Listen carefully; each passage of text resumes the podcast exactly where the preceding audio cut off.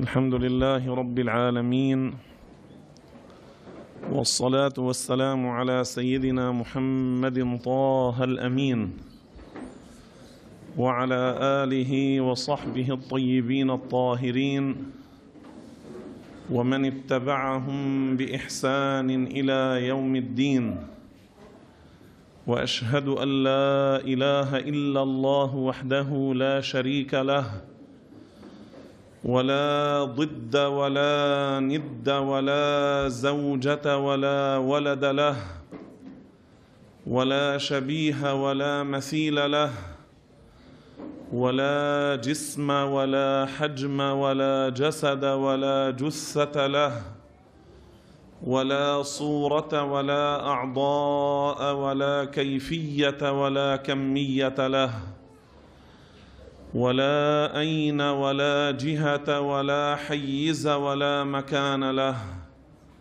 كان الله ولا مكان وهو الآن على ما عليه كان.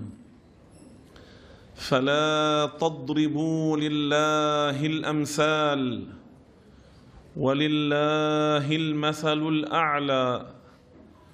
تنزه ربي عن الجلوس والقعود وعن الحركة والسكون وعن الاتصال والانفصال. لا يحل فيه شيء ولا ينحل منه شيء ولا يحل هو في شيء لأنه ليس كمثله شيء. مهما تصورت ببالك فالله لا يشبه ذلك. ومن وصف الله بمعنى من معاني البشر فقد كفر. وأشهد أن حبيبنا وعظيمنا وقائدنا وقرة أعيننا محمدا عبده ورسوله. ونبيه وصفيه وحبيبه وخليله صلى الله عليه وعلى كل رسول أرسله. أما بعد نذكر بنية الإخلاص لله تعالى في حضور مجلس العلم. يقول الله عز وجل في القرآن الكريم كنتم خير أمة أخرجت للناس تأمرون بالمعروف وتنهون عن المنكر وتؤمنون بالله. وروى أحمد في مسنده أن رسول الله صلى الله عليه وسلم قال إن الناس إذا رأوا المنكر فلم يغيروه اوشك أن يعمهم الله بعقاب. إن الناس إذا رأوا رأوا هنا تأتي بمعنى المشاهدة والمعاينة وتأتي بمعنى العلم. يعني إن شاهدوا حصول المنكرات رأوا ذلك أو علموا بها أو علموا بها.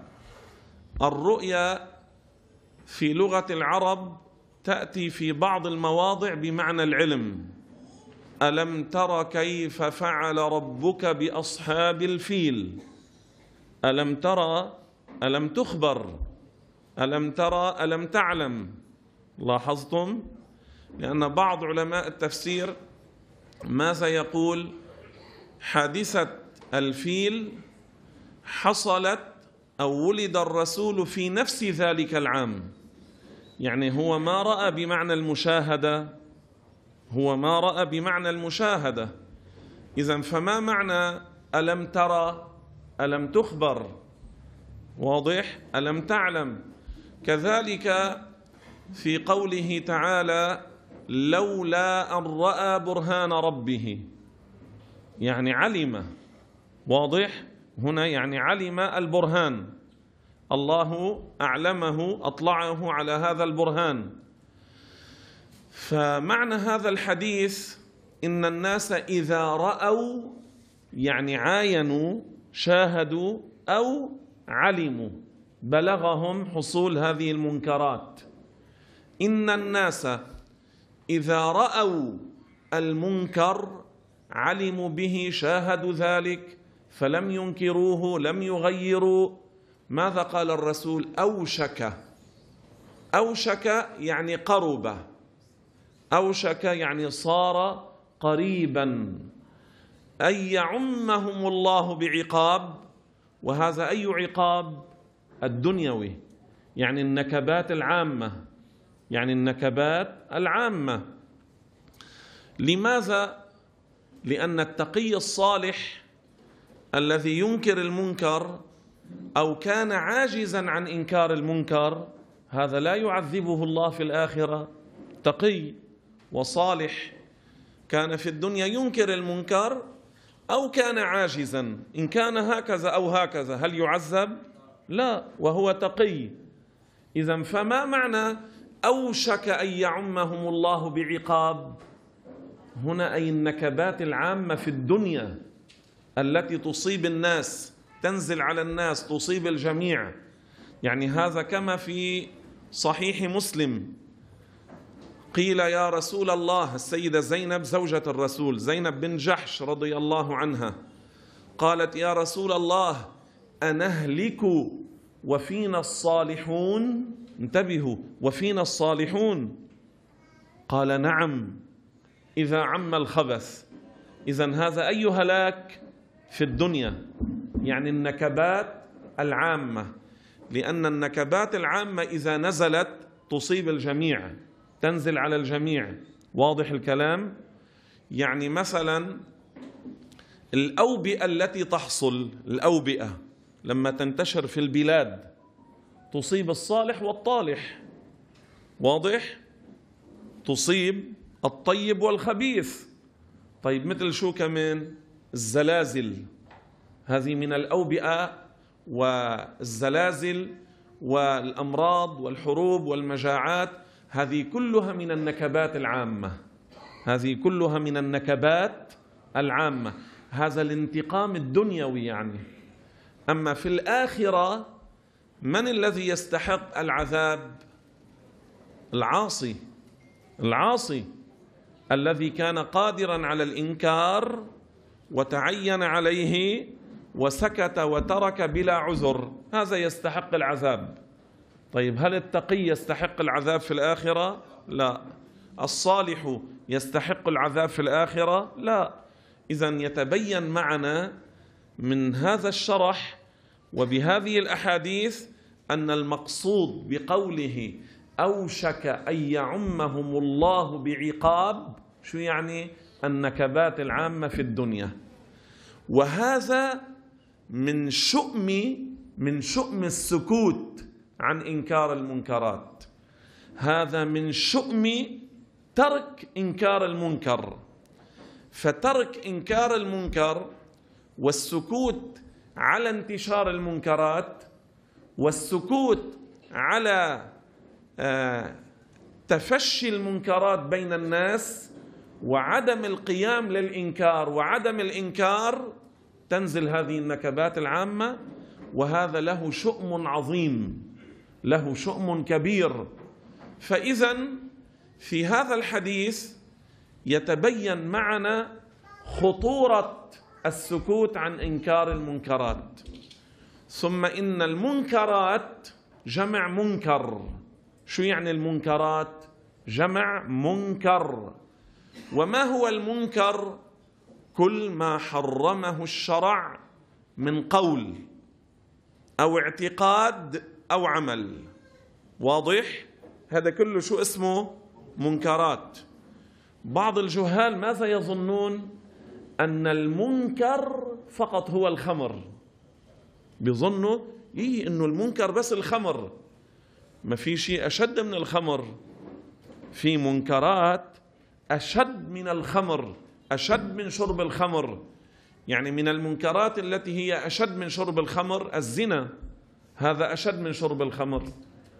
وهو منكر. طيب في شيء أشد من الزنا كمان اللي هو قتل النفس التي حرم الله إلا بالحق. وهذا من المنكر. وفي شيء أشد من كل ذلك وهو الكفر. وهذا أشد المنكرات على الإطلاق. أكبر أكبر وأشد وأخبث المنكرات على الإطلاق الكفر بأنواعه. هون لما عم نقول الكفر يعني الكفر الأكبر يعني المخرج من الدين والملة. هذا أكبر وأشد وأخطر وأعظم من القتل بغير حق.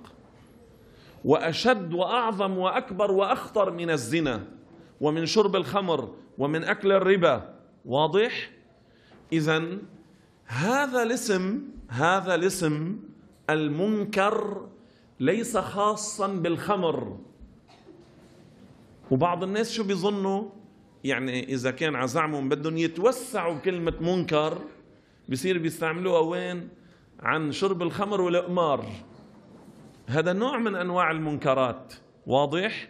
القمار منكر وشرب الخمر منكر والغيبة منكر والنميمة منكر وسب المسلم بغير حق منكر عرفتوا كيف؟ كل هذا منكرات إذا ما هو المنكر؟ كل ما حرمه الشرع من قول يعني شايفين لو واحد سب مسلم بغير حق هذا اسمه منكر الرسول عليه الصلاة والسلام ماذا يقول؟ سباب المسلم فسوق. الله أكبر. فسوق.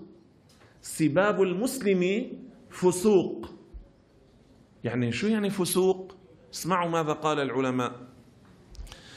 من ارتكب كبيرة اتفق العلماء على أنها كبيرة صار فاسقا. من ارتكب كبيرة من عمل معصية كبيرة من وقع في ذنب كبير. اتفق العلماء على أنه من الكبائر صار فاسقا. يعني إن مات على ذلك صار مستحقا للعذاب في جهنم. لاحظتم ماذا قلنا؟ إن مات على ذلك. أما إن تاب فمن تاب تاب الله عليه. إذا هذا الإنسان الذي سب مسلما شتم مسلما بغير حق. بغير حق. ماذا قال الرسول صلى الله عليه وسلم؟ سباب المسلم فسوق. فسوق. وهذا الأمر كم يتهاون به الناس اليوم؟ في الشارع في الطريق عند اللعب عند المزاح. والعياذ بالله يتهاونون بهذا الأمر. يسب بعضهم بعضا بل وبعضهم يسب أخت فلان أو أم صديقه. أعوذ بالله العظيم. الرسول يقول سباب المسلم فسوق. فسوق. فهذا من المنكرات. إذا الآن فهمنا معنى المنكر. منه شيء خاص بس بشرب الخمر. منه خاص بس بلعب القمار هذا نوع من المنكر والمنكرات كثيرة القولية والاعتقادية والفعلية. كل شيء حرم الشرع اسمه منكر. كل ما حرمه الشرع يقال له منكر. فإذا إن الناس إذا رأوا المنكر قد يكون المنكر في بيتك. هلا فهمنا شو معنات المنكر؟ يعني إذا واحد قال له للتاني المنكر في بيتك؟ ما شرط تكون مرته حاطة قنينة الخمر على الطاولة وقاعدة عم تشرب. مش بس هيدا معنى المنكر. واضح؟ يمكن تكون زوجته عاملة مجلس غيبة ببيتها. فبيكون بيته في منكر. يكون المنكر في بيته. واضح؟ يمكن يكون في بيته زوجته لا تصلي. ولده البالغ لا يصلي. ابنته البالغة لا تصلي. منكرات في بيتك يعني. الذي هذا حاله يعني صار المنكر في بيته. واضح الكلام بدنا ننتبه. مش إنه بعض الناس بيقول لك ابدا بيتي طاهر بيتي مطهر بيتي وبيكون بيته بكر للشياطين. أحيانا ما بينتبهوا للغيبة تسري وتستشري. فيهم وهن عم يضحكوا. بيكون الأولاد عم بيغتابوا أحيانا عمهم يمكن عمهم والبي قاعد عم بيضحك. بيكونوا البنات عم بيغتابوا خالتهم وأمهم قاعدة عم تضحك. هذا من عمل قلب. هذا من عمل قلب. ما يخمن حاله إنه هو مهضوم مبسوط لأولاده إنه أولاده عم بيعصوا رب العالمين وببيته بحضوره وهو عم بيضحك لهم. هذا من التهاون الذي يحصل في البيوت من التهاون الذي يحصل في الأسر والعائلات. بتكون بنتها قاعدة عم تغتاب الجارة عم بتسب الناطور. تتكلم في قريبة لها والزوجة يمكن عم تحكي عن سلفتها والزوج قاعد عم يضحك لها. بدل ما يخوفها من الله وهي تخوف بنتها من الله. بدل ما يذكروا بعضهم وينبهوا بعضهم يمرر بعضهم لبعض. يمرر. بيصير بمرقوا لبعضهم الزوج بيمرق لزوجته والزوجة بتمرق لزوجها والأم بتمرق لبنتها والبي بيمرق لابنه. شو بيصير البيت؟ وكر للمنكرات. يصير وكرا للمنكرات. يصير وكرا للفساد للفساد. هذا فساد. هذا نوع من أنواع الفساد. مش بس الزنا فساد. الفساد أنواع. الزنا فساد والغيبة فساد والنميمة فساد وسب المسلمين بغير حق فساد. بيكون صار بيته مركز للفساد ومركز للمنكرات وهو قاعد عم بيضحك. ايمتين عزعمه بتاخدوا الحمية إذا واحد قرب له على بنته أو جاب له سيرة مرته. ساعتها مستعد ينزل على الساحة وينزل إلى الميدان ويقاتل. طيب ما أنت قاعد من شوي كنت مع مرتك وبنتك وابنك والمعاصي شغالة ببيتك. لماذا لم تأخذك الحمية لدين الله؟ لماذا لم تأخذك الحمية دفاعا عن دين الله وانتصارا للمسلمين؟ الناطور المسلم يمكن يكون أفضل مني ومنك عند الله. مش لأنه ناطور بنيتك بتسبه وبتهينه وبتذله وأنت ومرتك وولادك قاعدين تغتابوه. مش لأنه ناطور بناية عندك. رب أشعث أغبر. ورب أشعث أغبر. ذي طمرين. مدفوع بالأبواب. لو أقسم على الله لأبره الله يستجيب له. مش لأنه ناطور بناية بدك تتمرجل عليه وتعمل عنتر وأبضاي عليه. مش لأنه ناطور بناية بتسكت لمرتك إنها تظلمه وتتطاول عليه وتشغل لسانها عليه. إذا كان تأخر بضب الزبالة عن الدرج بدل ما أنت تساعده ومرتك تساعده بدل ما تدعوا له عم بيشيل الزبالة عنكم. هذا مسلم. بدل ما أنتم تخففوا عنه وتساعدوه قاعدين تغتابوه قاعدين تسبوه قاعدين تظلموه قاعدين تركبوا مقلته مثل ما بيقولوا بالعامية. أين أنت من حديث رسول الله الذي رواه الترمذي؟ من رد عن عرض أخيه بالغيب. هذا المسلم خيك. هذه الخادمة اللي ببيتك مسلمة أختك. هذه الخادمة المسلمة الخادمة المسلمة يمكن تكون أفضل من زوجتك عند الله. هذه اللي قاعدة ليل نهار تخدمك وتخدم مرتك وولادك يمكن تكون أفضل مني ومنك ومن مرتك وولادك عند الله. مش لأنه خادمة بدك تعاملها بالإذلال والإهانة والسب والشتيمة. والغيبة والنميمة من غرفة لغرفة عليها. بدكم تنتبهوا. هيدي مسلمة يعني أختك. هيدي الخادمة شو جنسيتها؟ لبنانية سيرالنكية بنغالية. شو؟ أثيوبية. مسلمة يعني أختك يعني أختي. يعني أختنا. إنما المؤمنون إخوة. هكذا قال الله تعالى وأخوة الدين والإيمان والإسلام أعظم من مجرد أخوة النسب. قد يكون خيك من النسب كافر. قد تكون أختك من النسب كافرة. وهذه المسلمة عند الله تعالى أفضل من العرش المجيد. أفضل من العرش المجيد. مش خادمة؟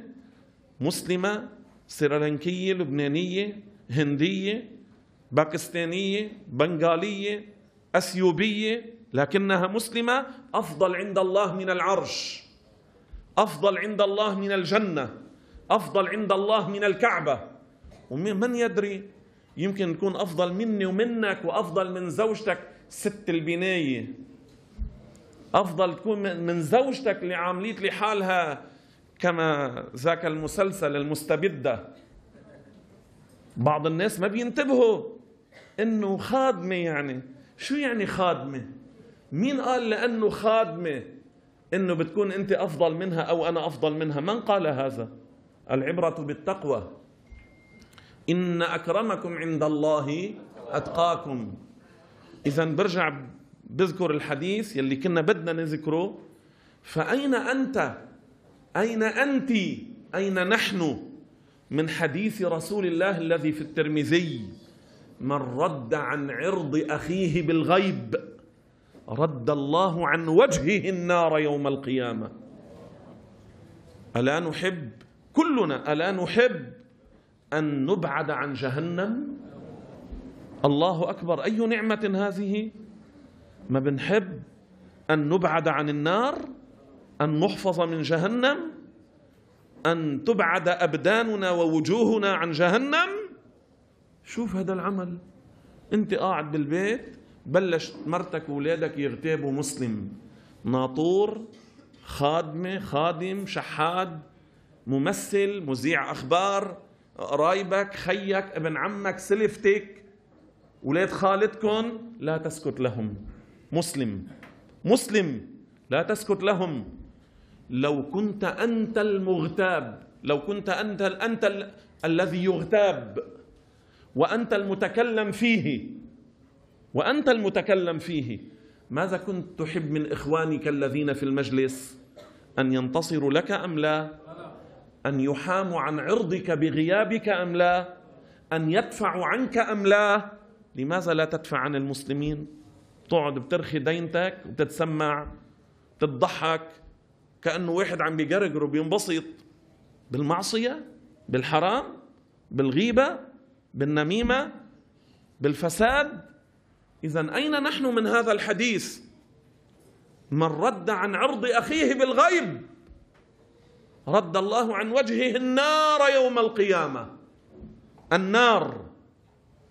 بهذا العمل العظيم بهذا العمل المبارك.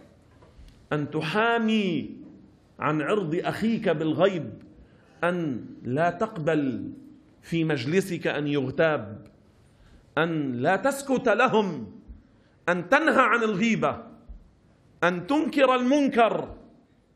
أما اللي عم بيصير اليوم للأسف كثير من المجالس مجالس غيبة. اللي عم بيصير اليوم للأسف مش بس مجالس بعض النسوان ومجالس كثير من الرجال. مجالس أكثر الناس اليوم غيبة. إلا من حفظهم الله. إلا من حفظهم الله.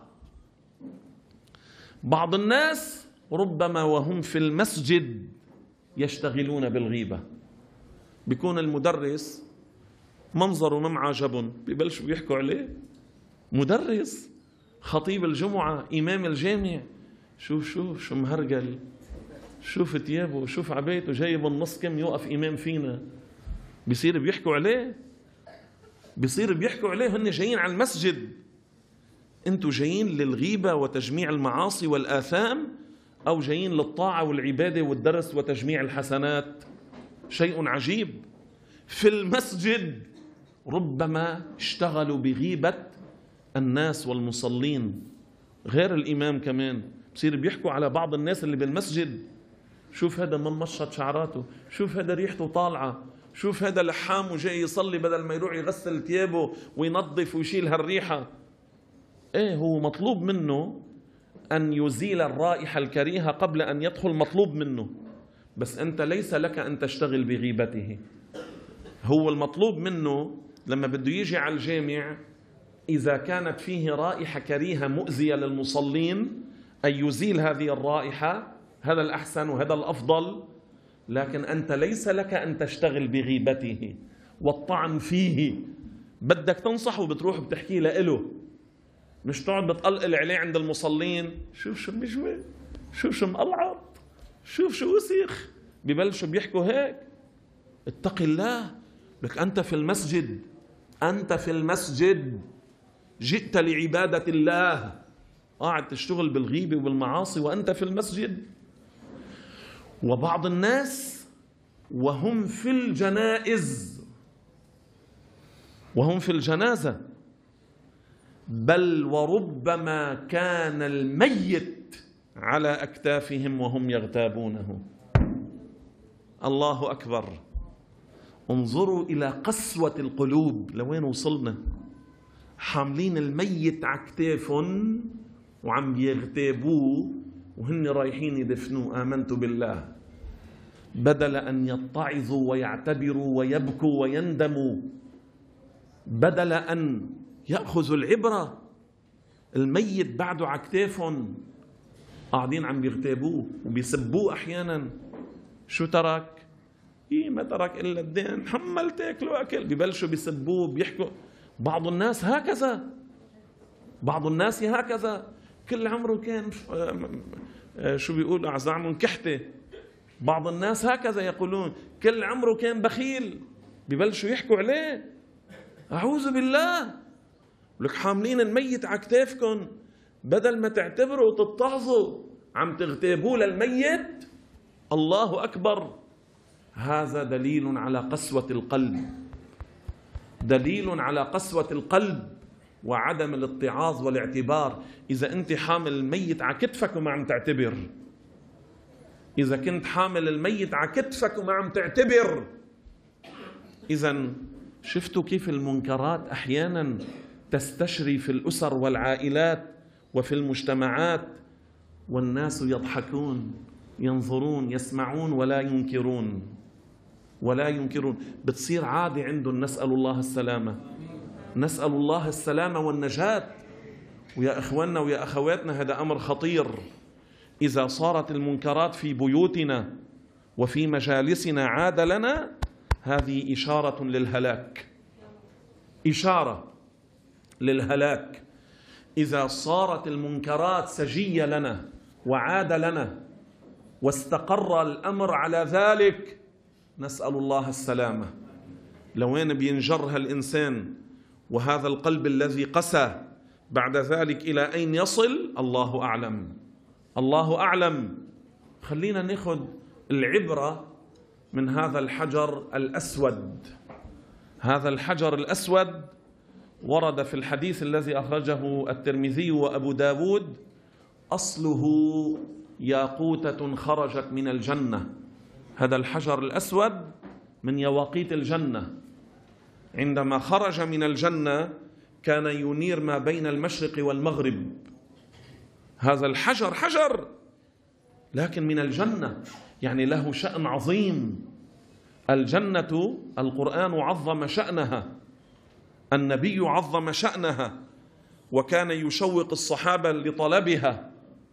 ثم هذا الحجر لما استقر في ركن الكعبة لما استقر في ركن الكعبة الرسول عليه الصلاة والسلام قبله. وهذا دليل لأهل السنة على جواز التبرك. ماذا يكون هذا الحجر أمام رسول الله؟ تذكروا الدرس الماضي حكينا عن التبرك. هذا دليل من أدلة التبرك. الرسول هو نفسه قبل الحجر.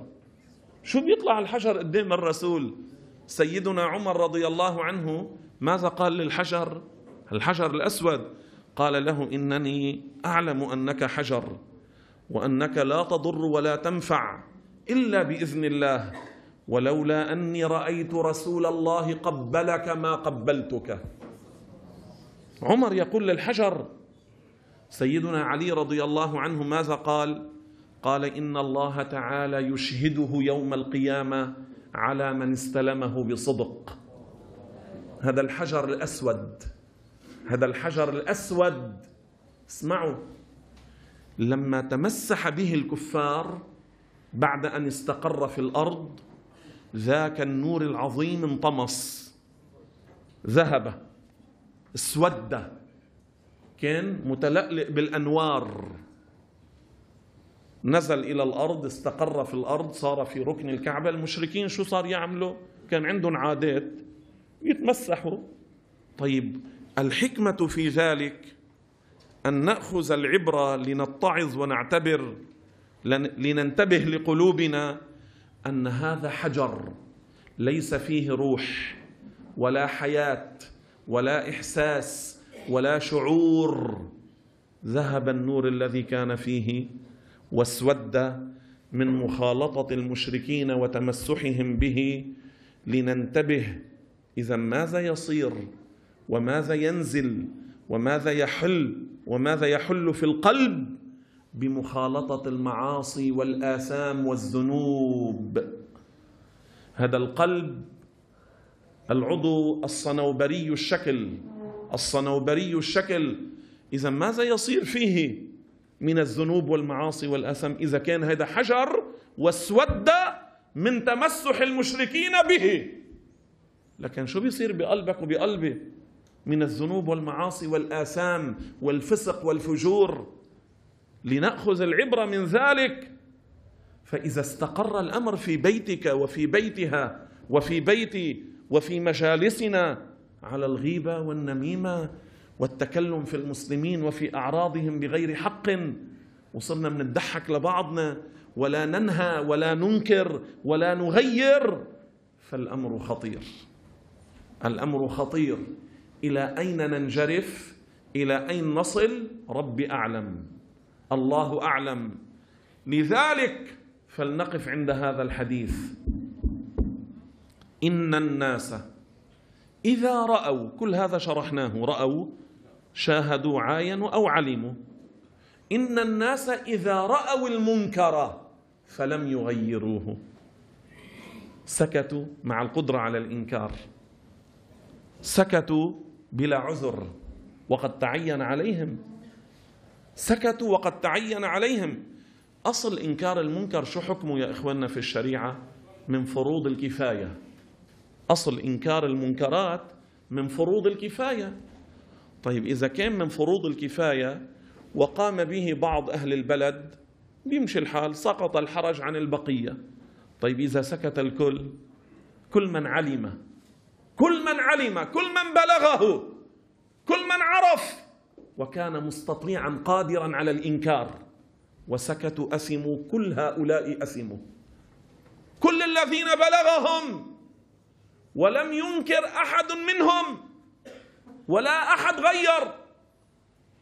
كلهم اثموا وهم قادرون على الإنكار. قادرون على التغيير. قادرون على إزالة المنكر. وسكتوا. لم يغيروا ولا واحد.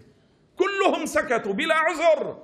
كلهم اثموا طيب اليوم قد إيه عم بيصير في منكرات بالبلد؟ قد إيه عم تبلغنا المنكرات في البلد وخارج البلد؟ هل يسعنا السكوت؟ أليس ورد في بعض الآثار إذا ظهرت البدع وسكت العالم لعنه الله؟ هنا المقصود بالبدع العقائد الفاسدة المخالفة لعقيدة أهل الحق. إذا ظهرت البدع وسكت العالم لعنه الله عالم ملعون. شفتوا قد إيه الأمر خطير؟ شفتوا قد إيه الأمر خطير؟ عالم وملعون. أليس ورد عن أنس خادم رسول الله صلى الله عليه وسلم؟ مين أنس؟ سيدنا أنس بن مالك خادم الرسول عليه الصلاة والسلام. ماذا قال؟ رب تال للقرآن والقرآن يلعنه. والقرآن يلعنه. القرآن يكون خصمه يوم القيامة. شاهد عليه وليس له. أين الناس؟ أين إنكار المنكرات؟ أين إزالة المنكرات؟ أين تغيير المنكرات؟ هذا صار من أندر النادر في هذا العصر. صار اليوم من الأمور النادرة في الناس وهذا أمر خطير. وهذا أمر خطير. اذكروا الحديث الذي ذكرته. أنهلك وفينا الصالحون؟ قال نعم إذا عم الخبث. الخبث يعني المنكرات. وشرحنا شو معنات المنكرات. يعني الأمور المحرمة الفساد الكفر والفسق والفجور اليوم عم وطم عم وطم. لا البعض الناس بيتساءلوا إيه شو سبب هيدي الحروب؟ شو سبب هيدي الأمراض؟ شو سبب الزلازل؟ شو سبب الطوفان؟ شو سبب المجاعة؟ شو سبب الأوبئة؟ شو سبب الحروب المنتشرة من بلد إلى بلد إلى بلد إلى بلد؟ شو سبب ظهور الأمراض الغير معروفة في الماضي؟ شوفوا اليوم إلى إلى حد ما السرطان صار في الناس مثل شو القريب. شوف هذا معه سرطان وهيدي معه سرطان ولد صغير معه سرطان. هذا ما كان في الماضي هكذا. هذا في الماضي ما كان. كم من أمراض ظهرت اليوم في النساء والرجال؟ ما كانت منتشرة في الماضي. إن الناس إذا رأوا المنكر فلم يغيروه أوشك أن يعمهم الله بعقاب. وبيتساءلوا بيسألوا شو سبب هذه المصائب العامة؟ المنكرات اللي عم تنتشر وساكتين عنها أكثر الناس هيدا السبب. هذا السبب. لذلك الحذر من أن نسكت عن المنكرات في بيوتنا في أهلنا في أزواجنا في أولادنا في عائلاتنا في أقربائنا في مجالسنا بزيارتنا بالظهرة بالسهرة بالكزدورة بشمة الهوى لما بتظهروا على الجبل وعلى النهر وعلى المسبح وعلى المسرح انتبهوا لا تسكتوا لصديق أو قريب عن منكرات. إذا كان المطلوب منا ما نسكت لبعضنا عن الأمور التي لا خير فيها والتي هي دون الحرام. كيف لكن المحرمات؟ كيف المعاصي؟ كيف الآثام؟ وإذا ضاعت النصيحة بيننا وفقدت النصيحة فيما بيننا وصارت المنكرات في مجالسنا وانتشر الأمر على ذلك ولم ننكر فإشارة بالخراب والدمار. إشارة للهلاك. إشارة للهلاك. اسمعوا مني. انظروا ماذا يحصل في البلاد. انظروا ماذا يحصل في البلاد. بعض الصحابة بعض الصحابة من شدة إنكاره للمنكر من شدة اعتنائه بهذا الأمر كان إذا رأى من قريبة له الندب والنياحة يقاطعها لا يكلمها. الندب والنياحة. اليوم بعض الناس شو بيعملوا؟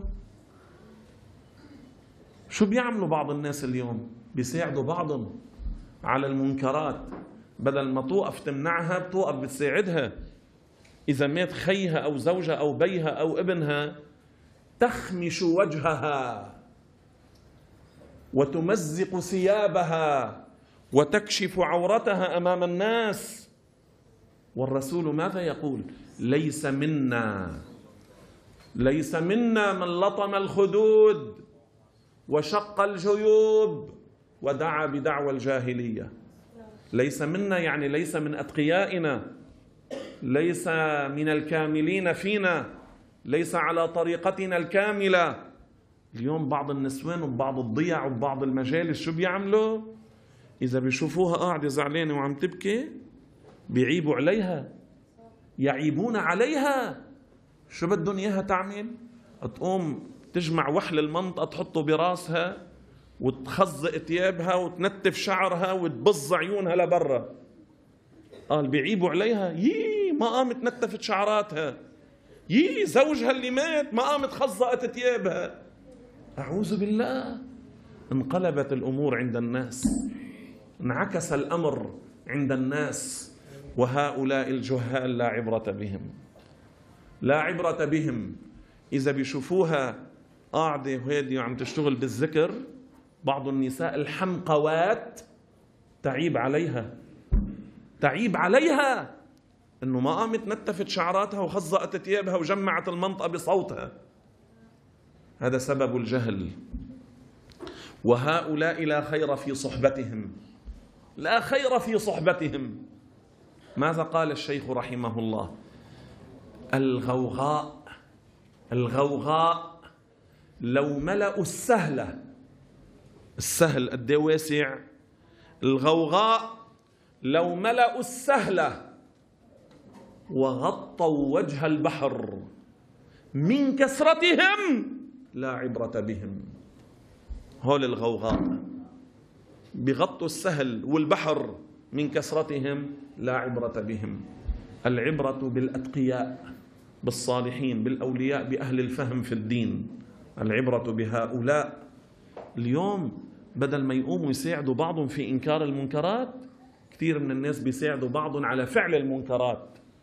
بيكون خيه بالشارع عم بيظلم واحد مهجر غريب فقير زبال ناطور مثل ما حكينا بالبداية. بدل ما يجي يوقف مع الغريب الفقير الزبال الناطور المظلوم بيوقف مع خيه ابن عمه بيصير بيساعده على الظلم. لا إذا خيك الظالم بتوقف بوجهه. تمنعه من الظلم بتكون انصرته على نفسه.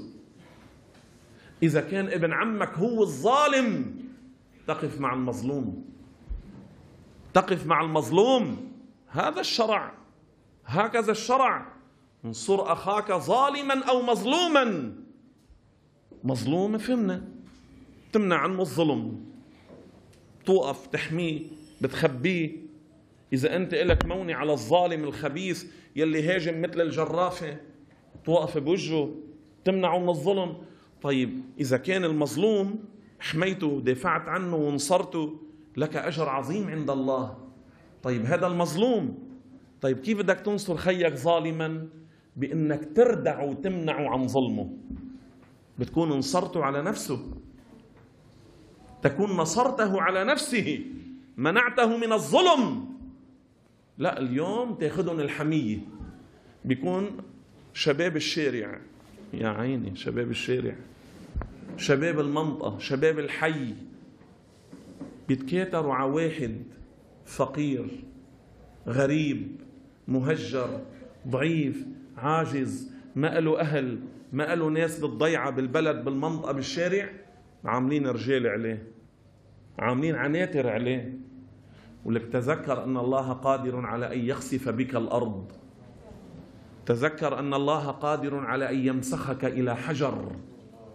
تذكر أن الله قال في بعض بني إسرائيل ولقد علمتم الذين اعتدوا منكم في السبت فقلنا لهم كونوا قردة خاسئين. تذكروا أن الرسول قال يكون في أمتي خسف ومسخ وقذف في أمتي. وقد حصل لكن قال العلماء فيما يأتي من الأزمنة يحصل بشكل ظاهر يصير أكثر. قال يكون في أمتي خسف ما هو الخسف أن تنشق الأرض وتبلع من عليها. تبتلع من عليها. وهذا عم بيحصل. نسأل الله السلامة. قال يكون في أمتي خسف ومسخ. المسخ هو أن تتحول صورة الإنسان من الصورة البشرية إلى صورة قرد. أو كلب أو خنزير أو ربما مسخه الله إلى حجر. وقد حصل كل ذلك في الأمم الماضية وفي أمة محمد. قبل 600 سنة في بلد تبعد عن أديس أبابا أظن ألف كيلو متر أظن في ناحية الشيخ نور حسين. معروفة هناك هذا الشيخ نور حسين كان من أكابر أولياء الله. من قوته في الصبر والزهد كان يأكل ورق الصبر. هذا الورق إذا جرحته بالحديد أو بالسكين يخرج منه سائل غليظ شديد المرارة في شدة مرارته يضرب به المثل. قال هو كان يتقوته كما نتقوت نحن الخبز. هذا نور حسين. كان يصلي كان في جبل حاصره الكفار وأراد الوضوء أراد أن يصلي العصر. ما كان عنده ماء. وهو في الجبل والنهر النهر في الوادي. النهر في الوادي. الله الذي لا يعجزه شيء. بقدرته سبحانه صار النهر من الوادي مجراه إلى رأس الجبل. صعودا. توضأ توضأ وشرب ثم قام يدخل في الصلاة. وقد أحاط به الكفار يريدون قتله. الناس يعتقدونه لما له من الكرامات والخوارق والعجائب. وهذا كان يغيظ الكفار. فلما كبر ودخل في صلاة العصر أطبقوا عليه. هجموا. وكان معهم الرماح والأسنة والسيوف فلما أرادوا ضربه بقدرة الله تعالى تحولوا إلى حجارة. بقدرة الله. وأشكالهم أشكال بشر لكن حجارة والسلاح معهم صار أيضا بشكل وهيئة الحجارة. بعض أهل تلك النواحي قال لي أنا رأيت ذلك بعيني ما زالوا إلى اليوم. أنا سمعت هذه الحادثة من أكثر من شخص. اولا كنت سمعتها من شيخنا في بيروت. هذه الحادثة قبل 600 سنة. وسمعتها من بعض أهل تلك البلاد وممن رأى بعينه. قال ما زالوا إلى الآن. بعض الناس مسخوا إلى حمير. بعض الناس مسخوا إلى قردة إلى خنازير. اذا أنت تظلم هذا الإنسان إذا دعتك قدرتك على ظلم هذا الفقير والمهجر والضعيف والغريب. تذكر أن الله تعالى أقدر عليك منه على هذا الإنسان. وأن الله قادر على أن يخسف بك الأرض. اتق الله. الظلم ظلمات يوم القيامة. إنه خلص هو ابن الحي ابن المنطقة بدهم يوقفوا معه لو كان هو الظالم. هذا علامة الخسران. علامة الخسران وإشارات الهلاك. وإشارات الهلاك. اتقوا الظلم فإن الظلم ظلمات يوم القيامة. اتقوا الظلم فإن الظلم ظلمات يوم القيامة. ثم إن هذا الظلم بعضه الله تعالى يعجل العقوبه على الظالم في الدنيا قبل الآخرة ليصير عبرة للناس. فإذا فلننتبه جميعا ببيوتنا مع أولادنا مع زوجاتنا مع أهلنا بالسيارة أنت وصاحبك إنه عم بيحكي على فلان بدون حق ما تسكت له. لو كنت بمجلس خاص الله مطلع عليك. لو قاعد على البحر انت ورفيقك ما تحكي على مسلم بغير حق. ما تحكي على مسلم بغير حق. من رد عن عرض أخيه بالغيب رد الله عن وجهه النار يوم القيامة. وكلنا نحب أن نبعد عن النار يوم القيامة. كلنا يحب ذلك. إذا انتبهوا. لا تتحول بيوتنا. لا تتحول مجالسنا. لمجالس غيبة ونميمة وتكلم في أعراض المسلمين بغير حق. لا نتحول إلى ظالمين. لا أن نفعل نحن ونباشر الظلم ولا أن نساعد عليه. حتى الولد إذا كان ساعد بيه على ظلم أمه بيكون ظالم خبيث. أو البنت ساعدت أمها على ظلم بيها تكون خبيثة. وهذا بيحصل بالعيال بيحصل بالبيوت. الأولاد بيتحزبوا. هذا مع بيه وهيدي مع أمها. لا كونوا مع الحق. اردعوهم عن ظلم واجمعوهم على الخير. اجمعوهم على طاعة الله. بالطريق شفت خيك أو بيك أو صاحبك أو جارك أو ابن المنطقة. هو الظالم. خوفه من الله. ما تروح توقف معه وتعمل لي عنتر. يكون في أمتي خسف ومسخ وقذف. القذف هو أن تضرب الملائكة. بعض من يفعلون أنواع من المنكرات بحجارة تشدخهم. أين أنتم؟ أين نحن؟ فلننتبه فلننتبه لأنفسنا لمجالسنا. عجيب اليوم أكثر المجالس صارت مجالس غيبة. وتكلم في المسلمين حرمة المؤمن عظيمة عند الله. إن حرمة المؤمن أعظم عند الله من الكعبة. إن حرمة المؤمن أعظم عند الله من الكعبة. فالحذر الحذر. لا تسكت ولا تغتاب ولا تظلم ولا تساعد على الظلم ولا على الغيبة. ولا تتسمع على الغيبة. ولا تقبل تكون ببيتك ولا بسيارتك ولا بشغلك ولا بمكتبك ولا بمجلسك. لو كنت أنت الضيف قل لهم اتقوا الله اسكتوا وإلا أغادر. سكتوا شغلهم أنت بالنافع والمفيد. ما قبلوا يسكتوا ومظهار بيسكتوا. مش تبقى عامل هي وبعدين؟ وشو في عندك بعد خبرني إنك عم بتجمع ملفات يعني؟ إنك عم بتجمع ملفات وسخ؟ ملفات معاصي ظلم غيبة نميمة. هتك لأعراض المسلمين. ليش عم بتجمع أخبار نفسك خبيثة؟ بدك تصمدها لما بتتخانق معه بتقول له ملفاتك عندي. إذا نفسك مريضة وتفكيرك ضعيف روح اشتغل على إصلاح نفسك. اتق الله لا تستمع. كما أنك لا تشتغل بالغيبة لا تستمع إليها. فإذا كنت في بيته تسكته إن لم يسكت تغادر. وأما إذا كان هو في بيتك فالأمر أسهل. البيت بيتك تقول له اتق الله اسكت. لا تشتغل بغيبة المسلم. سكت عود علمه وانصحه. اذكر له فوائد. شغل له وقته بالعلم. ما قبل يسكت تفتح الباب طلع برا. ما خجل يعصي ربك ببيتك؟ ما تخجل إنك تقلعه من بيتك.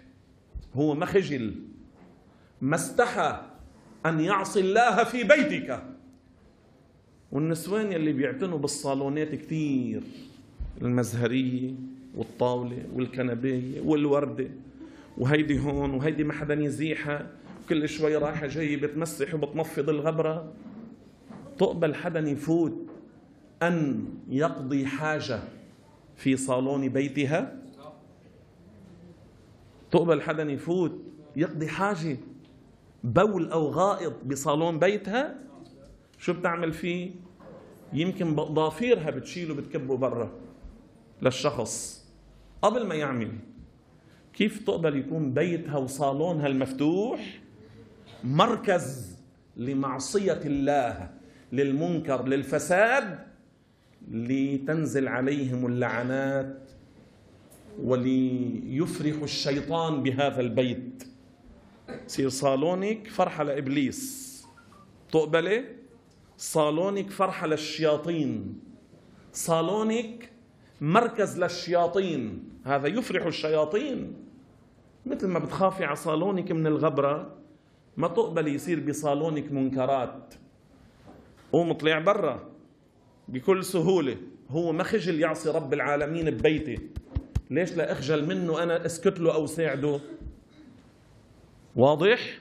فلننتبه لحالنا لزوجاتنا لأولادنا لأهلنا لرفقاتنا وأصحابنا مجالسنا ظهراتنا سهراتنا قعداتنا. بدنا ننتبه.